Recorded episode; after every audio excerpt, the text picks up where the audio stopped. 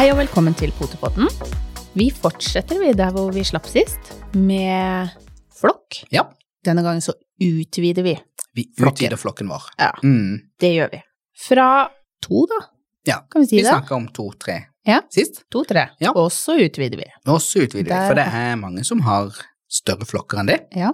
Og, Deriblant, uh, vi. Deriblant vi, det sa vi jo forrige sending. Ja. Eh, Vi har 13, og dere har Fem. fem. Ja, hjemme. Dere Mm. har fem bassenger, Vi har um, kun én ras, ja. Ja. og vi har fem raser. ja. Av stort og smått. Kan du, kan du si litt hvilke raser? Vi har chihuahua, og så har vi volpino italiano. Vi har en visla, vi har vanlig schæfer, en langhår, en korthår, og vi har sveitsisk hvit gjeterhund. Ja.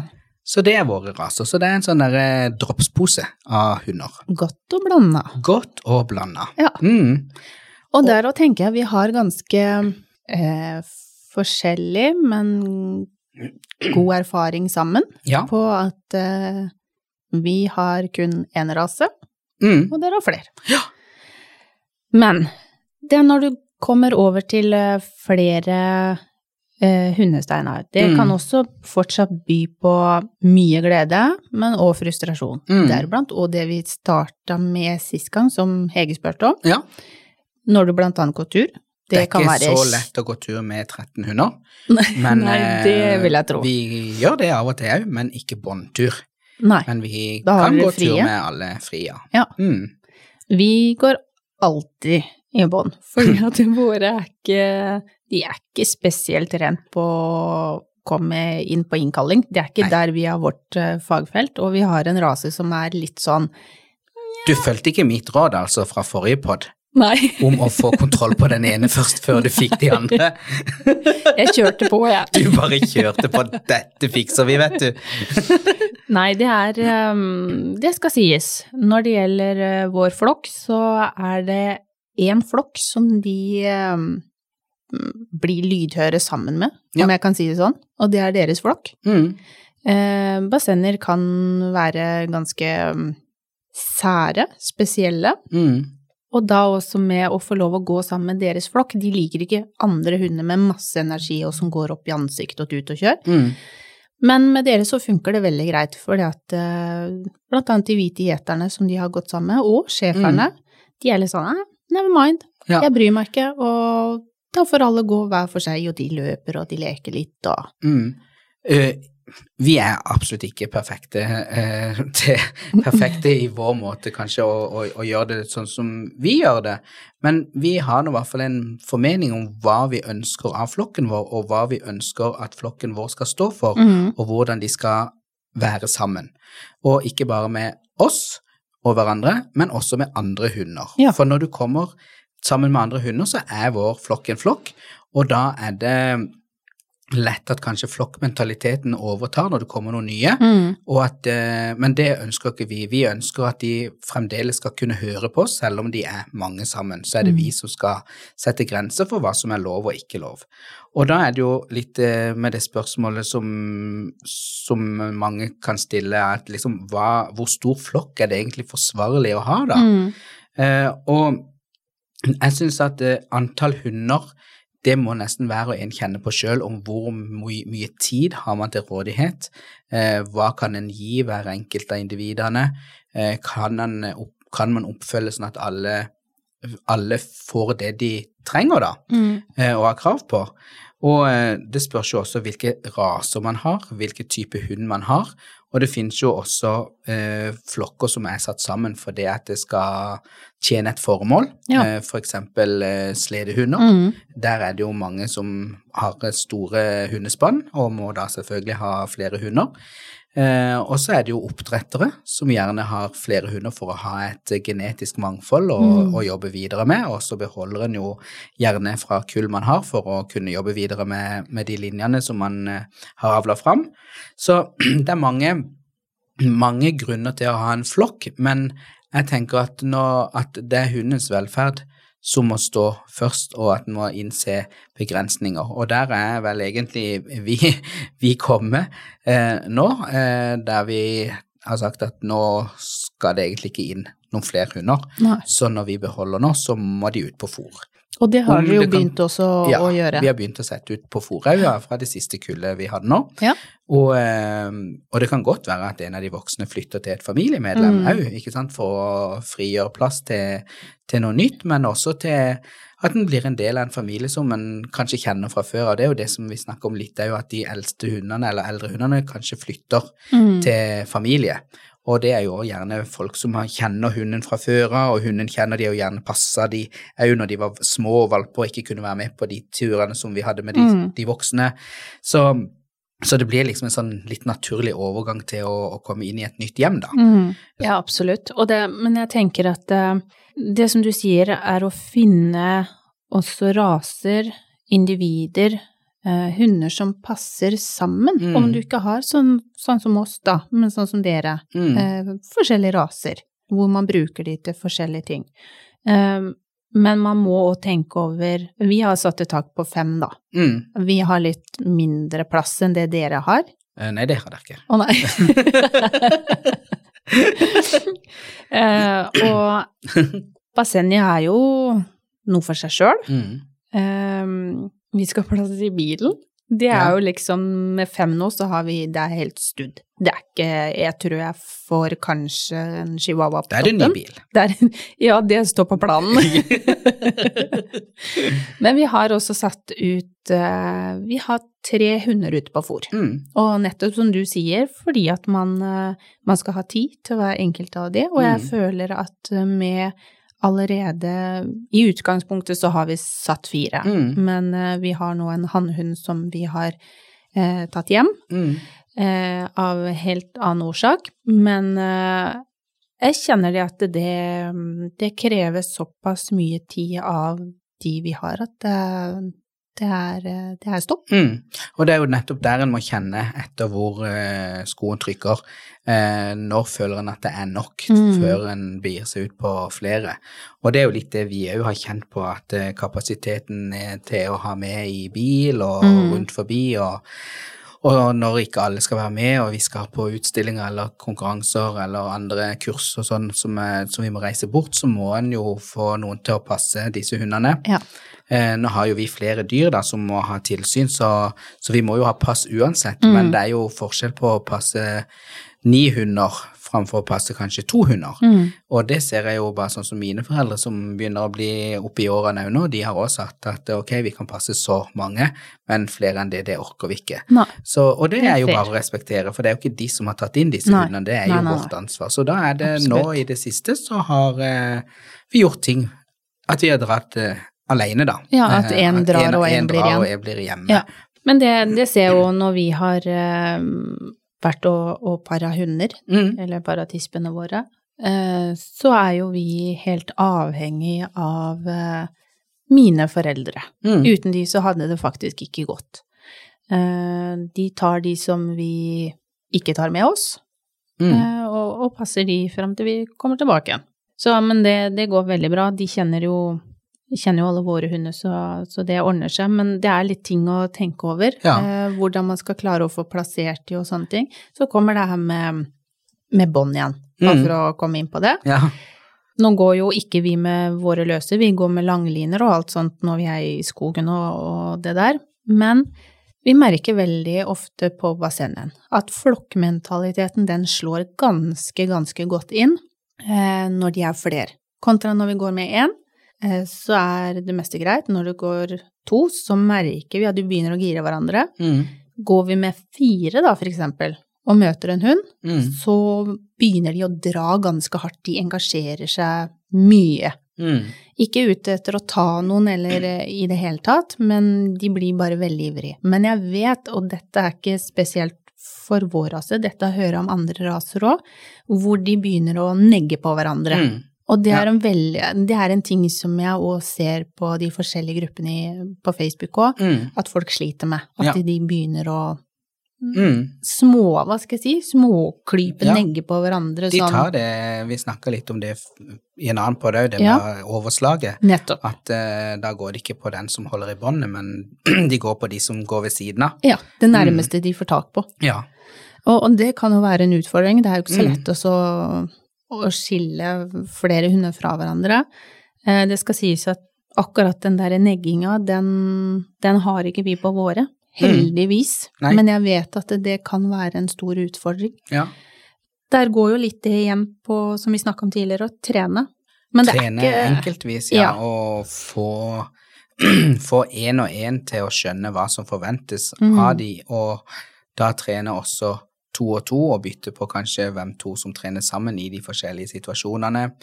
Eh, men jeg, jeg har aldri hatt hunder i, eller en flokk der de blir så ivrige at at de ikke-. At de går på hverandre, Nei. og det er jeg veldig glad for, for jeg, Mm. jeg kjenner også folk eh, som har det, og, og bare med to, som Hege også snakka om eh, i spørsmålet sitt. Eh, men, eh, men jeg tenker det er jo Da må en ta hver enkelt hund. Mm. tenker jeg i hvert fall at en må gjøre å trene den hunden så godt på de situasjonene alene. Og ja, det er krevende når en har flere, for sånn som hvis du sier sånn som dere da, som har fem, da, eh, som kanskje alle fem må trenes alene, Mm, eh, så tar det jo tid. det gjør det. Så da er det litt sånn spørsmål hvor mye, skal, hvor mye kan, takler vi, holdt jeg på å si, og Mm. hvor mye kan vi klare? Eh, og hvor ofte er det det skjer at dere treffer noen? Nå bor jo dere òg litt landlig, så det er jo ikke hver, hver tur dere treffer noen, ikke sant? Så, så det er litt sånn og, men, men sånn som på utstilling og sånn med dere, så så er de jo ikke de er jo ikke noen kranglete hunder. Nei, nei, nei, og de, er, de oppfører seg jo veldig fint. Ja. Men det er i de spesielle situasjonene som det plutselig oppstår, som Mm. kan komme, med, med situasjoner som kommer litt brått på, Mm. og så fyrer de seg opp. Så Og det, men det ser jeg jo òg i forhold til uh, Våre ganske greie bånd. De Mm. kan dra ganske mye. Uh, men jeg er ikke uh, ute etter å ta verken folk eller andre hunder. mm, Men hjemme i hagen, hvis hele flokken går inne i inngjerda hage og det kommer en løshund, mm, det er ikke spesielt populært. Og Nei. da kan jeg oppleve at både én og to hopper over. mm. Men det skal jeg si sånn som hos oss òg, hvis det kommer noe Hvis flokken er alene ute, Mm. eh, og det kommer en katt inn i hagen, eller det kommer noe annet i nærheten og sånn, så slår jo flokkmentaliteten ut i full blomst, Mm. og det er jo da en ser hvor, hvor mye de, de trigger hverandre opp. Eh, når vi er ute sammen med de, så blir det ikke fullt så mye som gjør hvis de er alene, Nei. for da klarer vi å stoppe de, og, og da vet de da vet de hva reglene er for noe, og, og det tenker jeg at det er jo med på å vise at de anser at det er vi som tar føringa, at det er vi som skal bestemme hvordan vi ønsker at eh, de skal oppføre seg, da. Men det, det er jo en treningssak, det òg, for de blir jo ikke bare sånn av seg sjøl at du kan avbryte, det er jo noe vi må trene på. Og da er det jo når vi har de én og én ute i hagen, så kommer det en katt, så må vi trene på at han ikke får lov til det, verken når han er alene eller sammen med andre. Så dette er jo ting som, som, som kan trenes på. Eh, og, så er det litt det å være føre var òg, ikke sant. En vet kanskje at de andre en har, at det er litt utfordringer med det, da, og tenker at den andre, den nye som kommer, eller en valp, eller ja, at ikke de skal ta etter, da. Mm. Mm. Ja, for det, det vet jeg òg. Andre som har opplevd den her um, negginga. Eh, og, så får de et overslag, som du sier, og Mm. kanskje mot eh, en valp. Og så går dette i en sånn ond sirkel fra generasjon til generasjon, Ja. som de ikke får kutta. Mm. Så, så det er um, Jeg har jo opplevd også dette, sånn som med innkalling, da. Eh, nå har jeg Det er noe jeg trener mye på, eller er bevisst på, det er innkalling. mm, At de kommer når vi roper. Eh, helst at de snur på femøren og kommer løpende når de skjønner at de skal komme. Eh, og det, når en trener med, med valper, da, eller unge dyr som kanskje ikke helt har lært det, så er det jo litt sånn vittig å se når en går kanskje på en vei, og så løper alle av gårde, og så roper jeg på alle sammen, mm, og så kommer alle de som vi har trent mye på, så blir den unghunden kanskje stående igjen. Ja. Og da ser du liksom at han stopper, og så bare Hm, hva skjedde nå? Mhm. Hvorfor løp alle den andre veien? Uh, og ikke det at de løper av redsel, men de bare snudde og løp. Og så kommer den andre tuslende etter og får masse positiv feedback på det og godbit og, og ros for at han valgte å, å følge etter flokken sin, da. Mm. Så sånn sett så kan det jo være greit å ha en flokk som kan vise den unge hvordan vi skal oppføre Oppføre oss, og hva ja. vi skal gjøre når sånn og sånn skjer, da. Men det er jo Da beror det jo på at den flokken den har, er godt trent på Mm. de tingene, da. Er derfor jeg syns det er så greit at min flokk med din flokk. Ja. For da er de, da er de veldig greie. Eh, vi går som sagt mye i langline, men når min, eller vår flokk, har gått med deres flokk, mm. og dere roper inn deres, så kommer jo vår òg. Mm. Da vil de òg være med på Ja. det som skjer der. Mm.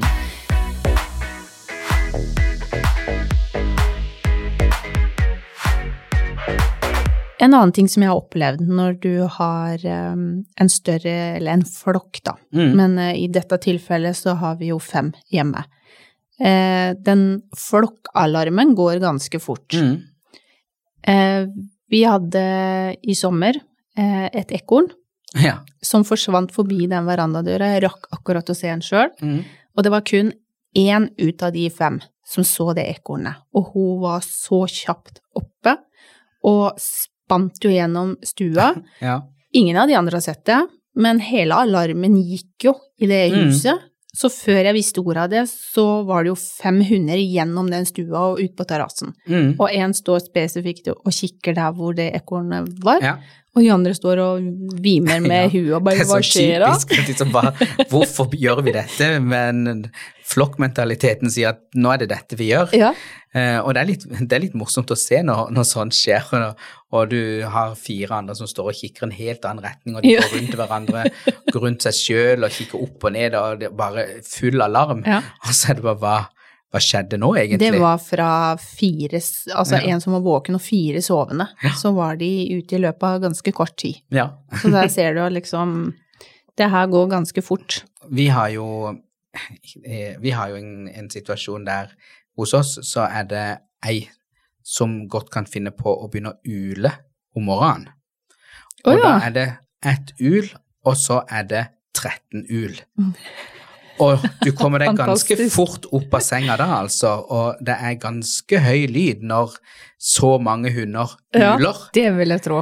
Det er, ja, det, det kan det bli bare, en eh, rask eh, er det bare fordi at det da. starter morgenen, eller? Nei, da er hun eller? lei av å være inne, eller da vil hun gjøre noe annet, og ja, så det er sin måte å si på at nå er hun klar til å starte dagen. Det er jo litt herlig òg. Så det eh, Nei. det er det ikke. så det er i hvert fall ikke hvis hun har lyst til å starte dagen klokka åtte om morgenen på, eh, i ei helg når hun endelig kan kan, jeg se. sove litt grann og sånn, men nei, som si... regel så, så begynner hun ikke så tidlig. Det, hun begynner som regel når det faktisk er litt på tide å, å stå opp, så Ja. sånn sett så Men ja. Sjarmerende, ikke sjarmerende, Ja. men det hørtes litt sjarmerende ut et lite sekund der. ja. Eh, Nei, men det, men det er mange, mange ting å ta hensyn til. Absolutt, med, en, Mm. med en flokk. Og så er det jo, når en har sånn en stor flokk òg, så er det jo ikke alltid at alle kan være med, eller at alle kan være i hagen samtidig og sånn. Det kommer jo også litt an på om en har eh, hannhunder og tisper sammen òg. Mm. Eh, at en må dele opp flokken i perioder Ja, eh, i forhold til løpetid eller valper. der sier du noe. Det er ikke bare med løpetid. Nei? Eh, Det har vi nettopp vært gjennom. Med en hannhund som eh, uler Mm. på natta. Ja. eh, Fordi at vi har måttet splitte han Ja. fra de andre. Så han går løs i stua. eh, Og er rimelig frustrert. Mm. Bank i bordet, det har vi sluppet den derre ule, ulinga og klaginga ja. fra hannhunder, altså. Det ja. Den For den er jeg- intens. Den er fryktelig Ja. intens. Uh, og det heldigvis, vi har ikke det på noen av tispene heller. Mm. Det har jeg ikke hatt siden min første basseng i 1996, Ja. faktisk. Så det var litt sånn, jeg lå egentlig og sov, og så kom den der dype ulinga fra magen av, Mm. og da sto jeg relativt fort opp på beina. Ja. For jeg skvatt. For det var liksom, den hadde jeg glemt Mm. at det eksisterte. Nei, så det er jo det er jo ikke bare bare å ha stor flokk når en driver oppdrett òg, med tanke på forskjellig kjønn og Nei. alder og dette her, da. Men så ser jeg òg det sånn som eh, Nikita som vi hadde, Mm. eh, som nå blir eh, tolv. Den gangen var hun vel ti, når vi hadde to kull. Og der merka vi at uh, vår kjære senior syns at uh, hun har vært med på en del kull. Mm. og vært en kjempegod støttespiller, men merka da at uh, nå syns hun faktisk at det var nok. Ja. Nå var hun egentlig klar for å ha litt pensjonisttid hos Mm. mine foreldre, så hun fikk lov å flytte opp der. Og det så vi ganske enkelt ved at hun begynte å trekke seg tilbake igjen. Mm. Hun syntes ikke det var noe gøy når valpene kom løpende imot og skulle bite i labber og ører og Mm. sånt. Du ser det jo ganske godt på når de er nokså forsynt Ja, for det valpestyret. så da er det jo som sagt greit å ha et, eh, et pensjoniststed. Men det er jo også en spørsmål som vi òg får når vi har såpass mange, at eh, ja, åssen gjør det når de er ute i, i hundegård, for de regner jo med at vi har en hundegård Ja. til de, eller hagen, og liksom og kan alle gå sammen? Og det har vært litt av vår, eh, vårt mål, da. Det er jo at vi skal ha en harmonisk flokk, eh, som da, da bare blir delt opp i forhold til løpetid og, og sånn, da. Mm. Men at sånn generelt når alt er som det normale, så skal de kunne gå sammen, alle sammen. Men det er det jo ikke gitt at det gjør når Nei. du har en sånn stor flokk. Eh, og selvfølgelig, det, det krever tid. Eh, vi må jo bruke tid på å etablere flokkmentaliteten om hvem som hører til hvor, og Mm. tilvenning og hvordan man oppfører seg. Der er vi, selv om de går i hundegården og sånn. Og, og hvis det er noen som blir veldig eglete av unghundene på de eldre, så tar vi de ut Mm. lite grann, sånn at de, de voksne da får ro. Og også det at de voksne ser at vi tar også ansvar for at de også skal ha det greit. Ja. For det er ikke noe greit at hvis eh, den unge unghunden da bare blir dominerende, Mm. eller blir dominert da, av, av de andre, at det er en av de voksne som bare går og dominerer den valpen, eh, det er ikke bra, syns jeg i hvert fall. Og så er det heller ikke bra at den unge valpen får lov å gå og herje med de voksne. voksne. Uh, og da, hvis den da herjer sånn helt til en av de voksne får nok, Mm. så kan den jo faktisk bli skada fordi at den andre sier så kraftig ifra at, uh, at nå, nå er Mm. begeret rent eh, over og vel så det. Og det er ikke greit. Nei, det da, er er det, da er det viktig at vi observerer. Da er det Mm. viktig at vi bruker tid til å observere og bli kjent med individene og, og se hvordan de reagerer i forskjell, forskjellige settinger og situasjoner, og kan ta det med, med videre i, eh, i, i, i flokkeintegriteten, da. Men har, har du både store og små sammen i hundegården, eller deler du det opp i forhold til at eh, en chihuahua er jo ganske mye mindre enn en, eh, en Mm. schæfer eller en hvit gjeter, da? Ja. Nei, vi har aldri de store og de små sammen i eh, uten at vi er til stede. Eh, og vi har forskjellige hundegård til chihuahuaen og olpinoen, Mm. og så kan de store gå sammen. Eh, men det er jo det er ikke Jeg tror fint de kunne gått sammen. Eh, det jeg er mest redd for, det er jo at de store skal bli så ivrig på et eller annet at de tråkker på de som er Mm. mindre og, og kan knekke et bein eller løpe over de. Eh, for det var som jeg sa i stad, når det kommer en katt, så kan det Vi har jo katter òg. Så når en av de kommer spankulerende forbi, så kan det være gøy for de store å løpe mot og bjeffe og, og varsle litt. Og da hvis det står en liten chihuahua i veien og Ja. han har fred og ingen fare, så kan det være litt trist for den. Men, eh, så derfor har vi ikke de sammen i, i hundegård. Men vi har de sammen når vi er sammen med de. De kan gå Mm. sammen inne, de kan gå sammen i hagen. Ja, for Eh, jeg har jo sett dere har lagt ut Ja, ja. eh, både bilder og ja, alt da, hvor og, det, de og er det er vårt mål, Mm. at de skal lære seg å omgås hverandre. Og det er jo det som også er så bra med Som jeg syns er så bra med å ha mange forskjellige raser i forhold til størrelse og sånn òg, da. Mm. Det er jo det at de lærer seg å omgås forskjellige individer. Eh, og når vi er på tur òg, så kan vi ha med oss både store og små. Og da må de store bare lære seg etter hvert til å se hvor chihuahuaen er. Mm. Og de første turene når vi har store hunder med, eh, med de små, så bruker vi jo mye tid på å vise hundene når de kommer f.eks. løpende mot oss. Chihuahuaen går kanskje sammen med oss og Mm. ikke så langt vekk fra oss. Og når da de store kommer løpende tilbake, så er vi føre var og prøver å stoppe de eller få de dirigert unna, sånn at de skal skjønne at her er det noen små hunder Ja. som du må se, se på. Og det lærer de ganske fort Mm. at når de nærmer seg der, og, og selvfølgelig hvis de løper over de, så sier vi ifra til de at hei, nå må du roe deg ned, Mm. nå må du kule den litt, sånn at de skjønner oi, her var det et eller annet. Så det er utrolig viktig å, å, å bruke tid på flokken sin. Mm. Men det ser jeg jo når vi har vært på turer òg. Mm. Det første du sa, nei, men altså de voksne våre må lære seg hvor de setter beina i Mm. forhold til mm, våre hunder da, som er mindre. Mm. Eh, Og det tenker jeg er en, eh, det er en fin greie, og jeg husker jo eh, første gangen Tinka så en av de eh, hvite Mm. gjeterne. Så så du på øya bare holy moly! Det kommer Den den var stor. svære hvite hunden. og du så liksom bare åh! Men det gikk jo kjempebra. Det var jo Mm. ikke noe problem i det hele tatt. Ja. Men eh, valper og voksne sammen òg, der òg skal man eh, ja, vi har ikke valpene sammen med de voksne uten at vi er til stede. Nei. Og eh, hvis valpene er ute i en hundegård, så er det kun sammen med mor, Mm. eller kanskje en annen voksen, rolig hund da, som kanskje har hatt, eller som har hatt valper før, som vet litt hva en som er vant til å omgå sånne små, da. Mm. Eh, men som regel så er de enten alene, og når de skal tilvenne seg å være litt grann fra mor, og være litt alene bare valpegruppa, Mm. eh, og så litt sammen med mor, da. Ja. Mm, så vi, men vi har de aldri sammen med de andre eh, uten at vi er til stede. Nei. Mm. Men det er jo litt sånn som kommer etter hvert som valpene er såpass store at man kan begynne å introdusere Ja, de for og det resten av gjør vi jo flokken. sånn er jo cirka når de er rundt en fem, Ja. fem-seks uker. Er så blir det litt mer sånn tid at de går sammen litt over lengre tid, og, Mm. og da kan de godt være litt ute i hagen eh, mens vi går inn og ut og gjør ting og, og, og Mm. sånn, da. Eh, for da er de såpass store at de, de voksne ser de. Ja, det er, jo som, det er jo som å se litt sånne små, kjempesøte isbjørner som eh, løper rundt. Ja. En av våre valpekjøpere, de hadde to hunder fra før av, Ja. før de fikk en bassenge. Så gikk det et år, og så fikk de en bassenge til. Mm. Så i starten så var det jo de tre hundene. Mm. De var en flokk. Så kom den siste bassengen, og da la de merke til at de to bassengene, de hadde danna en flokk inni flokken. Mm. Det er litt sånn spesielt, altså det er jo litt interessant å egentlig følge med på hva som, Ja. hva som skjer. Det Ja. de to i den bitte lille kjerna. Ja. Og det, det er veldig lett at det blir, for det at eh, hundene er jo artsfrender Mm. og har samme språket. Og når de da blir flere, så danner de seg sin egen lille klikk innad, for de skjønner jo hverandre perfekt. Ja.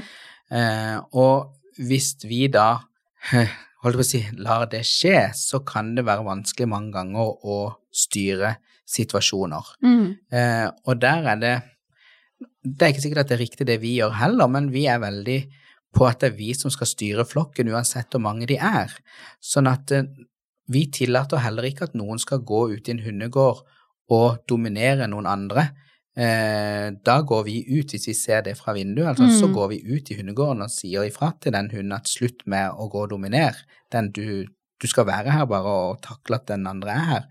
Eh, og eh, også hvis det er ja, eldre hunder som, som trenger ro, så tar vi ansvar for den òg, og, Mm. og forteller de andre at hei, nå må du være litt rolig, og ikke bare løpe på sånn. Og, og det er sånn at de Vi er vel ganske mye inne og, og korrigerer i flokken. Mm. Eh, men det, er- det er litt sånn Du må nesten kjenne litt på hva, du, hva som passer for deg, da. Ja, og jeg tenker at eh, sånn som vi har eh, flokken vår òg, så eh, takhøyden for eh, mye bråk, altså Mm. krangling, snakker vi da, det skal ikke vi ha. Nei.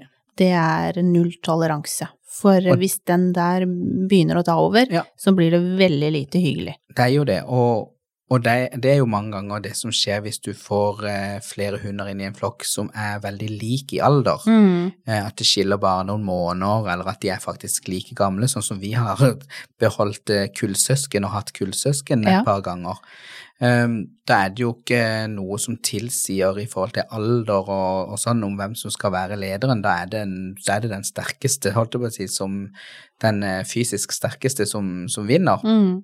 Og da kan det godt ha gått en, en psykisk kamp før det med kikking på hverandre og Ja. dominering og sånn, før det da Går og- smeller Du kan nesten si at de Ja. går og måler Ja. hverandre. Og det er sånn, da er vi da er vi òg inn igjen, hvis vi ser at det er noen som gjør det, at de går hen til den yngste og sier hei, slutt med det. Du trenger Mm. ikke å måle den som er eldre, for det du skal Det er meg som bestemmer faktisk at det er du som er nederst på Mm. rangstigen enn så lenge.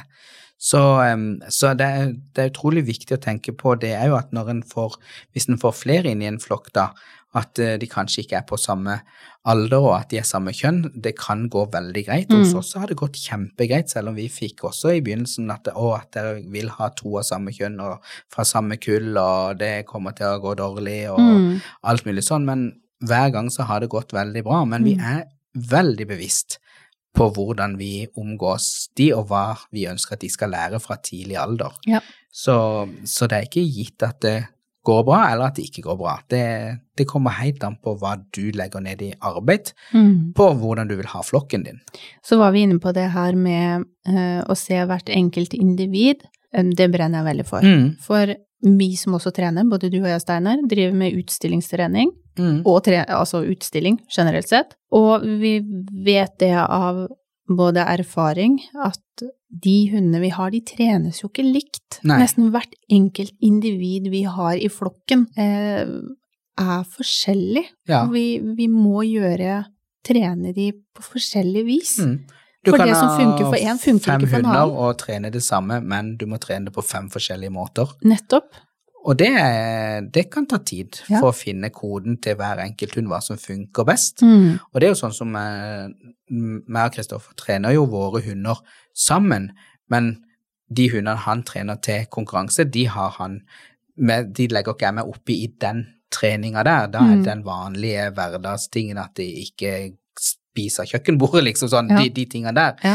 Uh, men, uh, men vi gjør jo heller ikke ting likt. Nei. Sånn at uh, hundene må jo også lære at det finnes forskjellige måter Mm. å trene inn, men jeg må finne ut hvordan jeg kan trene den hunden, og Kristoffer må finne ut hvordan han kan trene den hunden, sånn at det blir det beste resultatet. Mm. Så, så det er jo også viktig å tenke på at når en får flere hunder, som jeg har nevnt før også, at det, det, det tar tid. Det er tidkrevende. Og så er det jo snakk om å trene de ut ifra hva de trenger, Mm. men ha like regler. Ja. Al altså, da tenker jeg på, mm. deg og Kristoffer. Eh, Mm. det er ikke lov å hoppe opp på bordet og spise maten på torsdag, men eh, det er lov på søndag. Ja. Det er jo ens like regler. og det er jo det som er vanskelig når en har flokk også, ja, sikkert med én hund òg, Mm. og være flere som skal ha oppdrageransvaret. Og meg og Kristoffer er jo ikke enige hver gang, eller vi kan gjøre forskjellige ting, og vi kan bli litt oppgitt av hverandre for den andre gjør sånn, og den andre gjør sånn, og, og sånn. Men sånn generelt så er vi enige om at, at vi gjør det jo for å få en flokk som fungerer best mulig. Mm. Eh, og så er det jo sånn vi mennesker er, at vi har forskjellige toleransegrenser, holdt jeg på å si. At eh, jeg tolererer kanskje mer av én ting enn det Kristoffer gjør. Jeg tolererer kanskje mer Eller jeg tolererer mer draing i bånd av en unghund eh, enn det Kristoffer gjør. For Kristoffer har en skade i ryggen som gjør at det er vondt å holde igjen en sterk hund når han er Mm. på tur. Det orker han ikke å, å gå i lengda.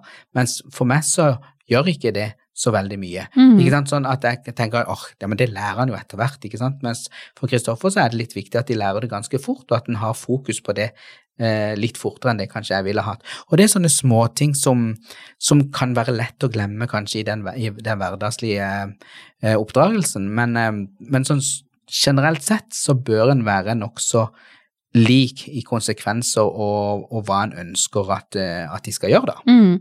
For de som er eksempel i vanlig jobb, Mm. så vet jeg at du anbefaler ofte at de har to hunder. Mm. For eksempel, kan du beskrive litt hvorfor? Hvis du er eh, En hund er jo et flokkdyr, og det å bli etterlatt eh, over lengre tid Nå kan jo ikke hundene klokka, da, Mm. men jeg tenker jo sånn som at hvis du finner en hund som, som denne hunden kan passe sammen med, så er jo det bare en berikelse for begge de to hundene. Men det krever trening, og det krever tid. Mm. Eh, men har du ikke tid til, til to, eh, så tenker jeg at du må legge noen føringer for den du har, for at ikke den skal være så lenge alene. Om du får noen til å komme hjem og gå en liten tur med han om dagen, eller at han noen dager kan være hos noen familiemedlemmer. Eh, noen steder har de jo hundebarnehager der du kan velge dager og sånne ting, men eh, jeg ser bare personlig at jeg har hatt veldig utbytte av å ha to eller flere. Og det var jo det var en periode i starten der jeg hadde bare to eller tre. Ja. Eh, og jeg så jo veldig fort at når de ble samkjørt og eh, var voksne alle sammen, og, og glede de hadde i hverandre og, og sånne ting, da. Men, men som sagt, det er ikke gitt at de får det. Nei.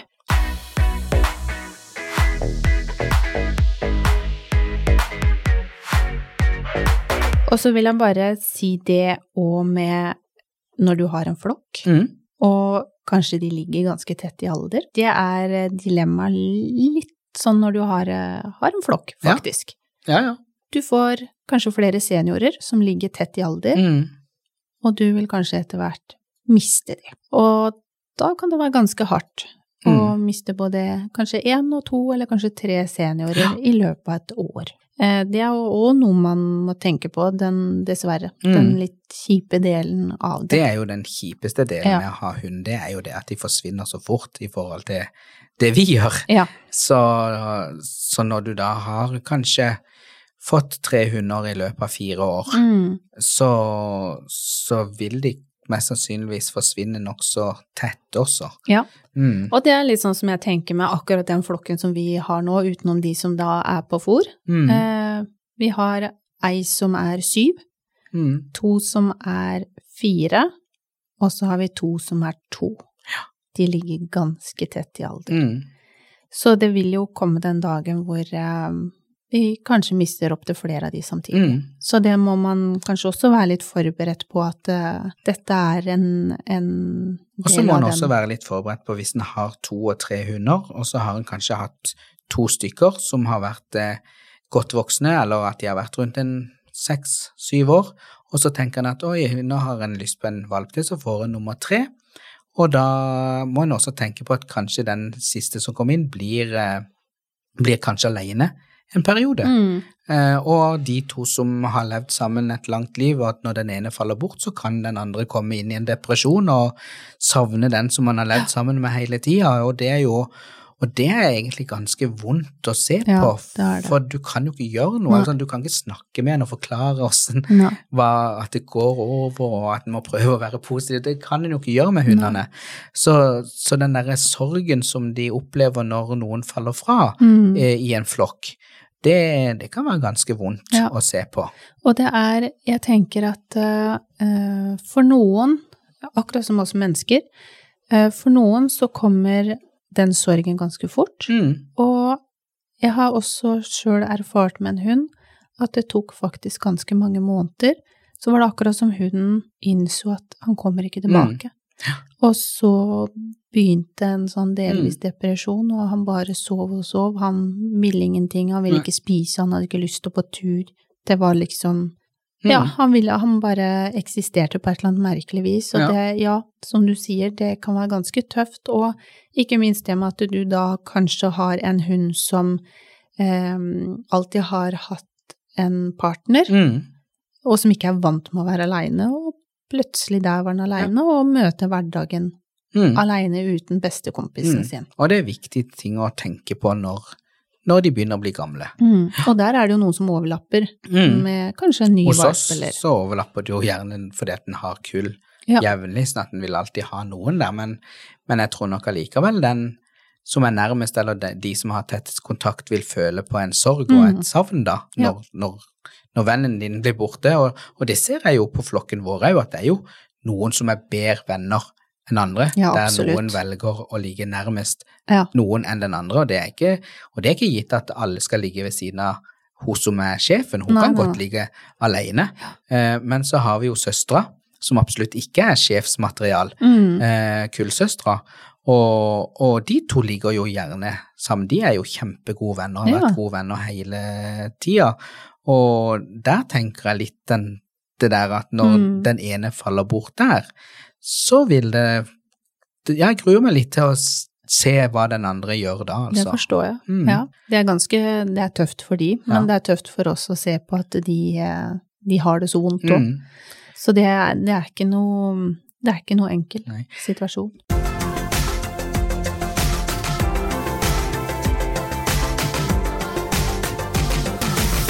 Men det er jo en berikelse òg å ha en flokk. Og Ja. man kan jo oppleve noen spesielle situasjoner Ja. eh, i flokkhverdagen. Har du noe gøyalt på lur? Eh, gøyalt og gøyalt, men det, var en, det er en historie som egentlig gir meg litt gåsehud. Mm. Eh, fordi at den er veldig intens og, og veldig spesiell, og beskriver kanskje litt flokkmentaliteten. Og det er der vi bor, der kan det streife både ulv og gaupe. Oi sann. Og så var det for noen år siden, så var det vel observert begge deler i området. Ikke sånn veldig nærme der vi bor, eller huset vårt, tror jeg, men ikke så veldig langt ifra. Og en vet jo Mm. at ulver og gauper de streifer ganske fort. De Ja. når over lange distanser eh, på noen timer.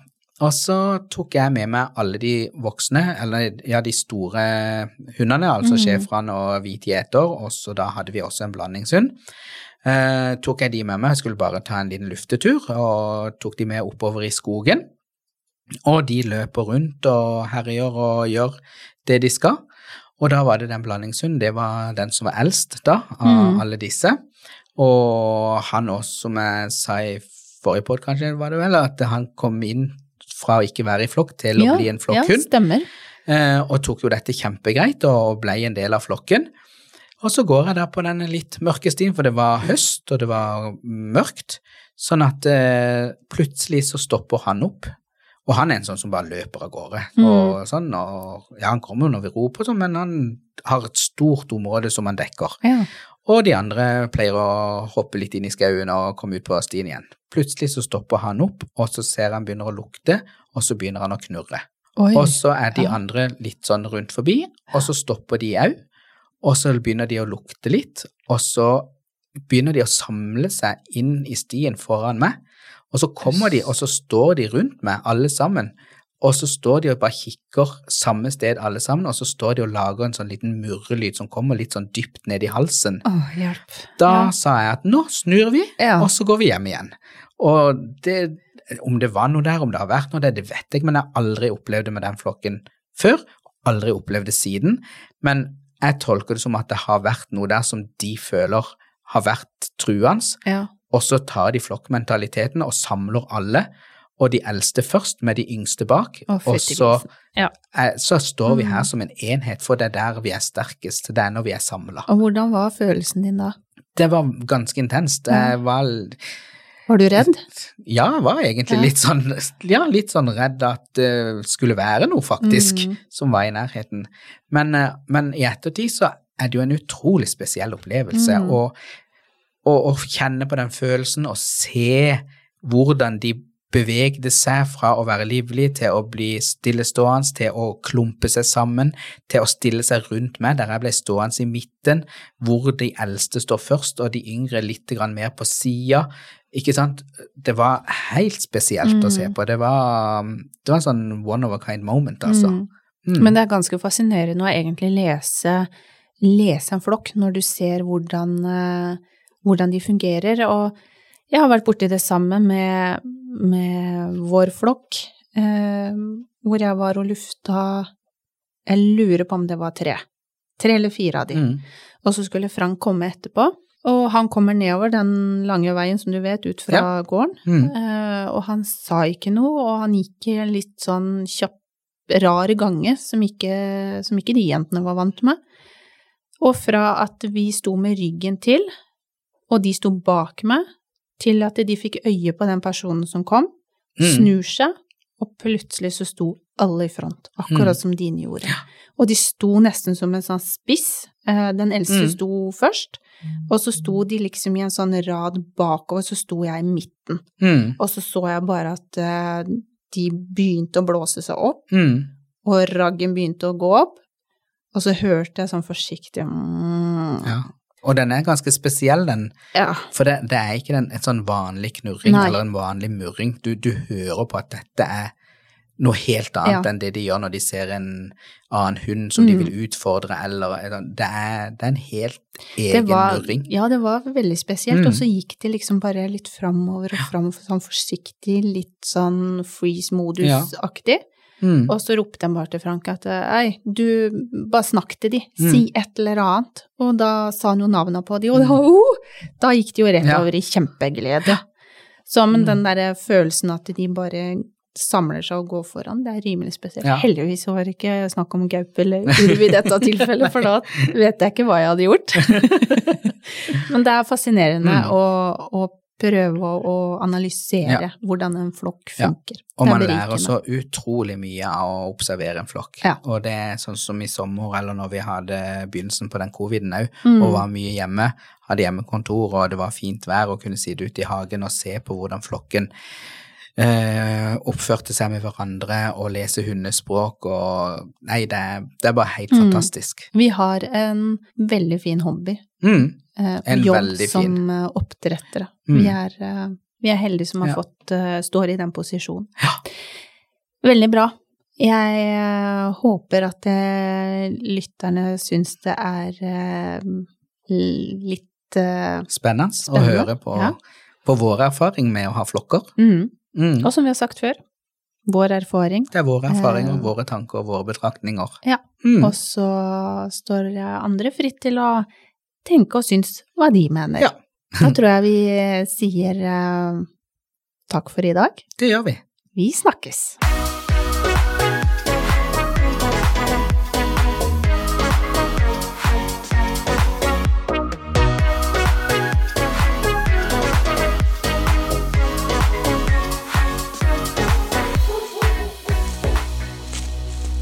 Potepodden, firebent prat laget av ckakademiet.no.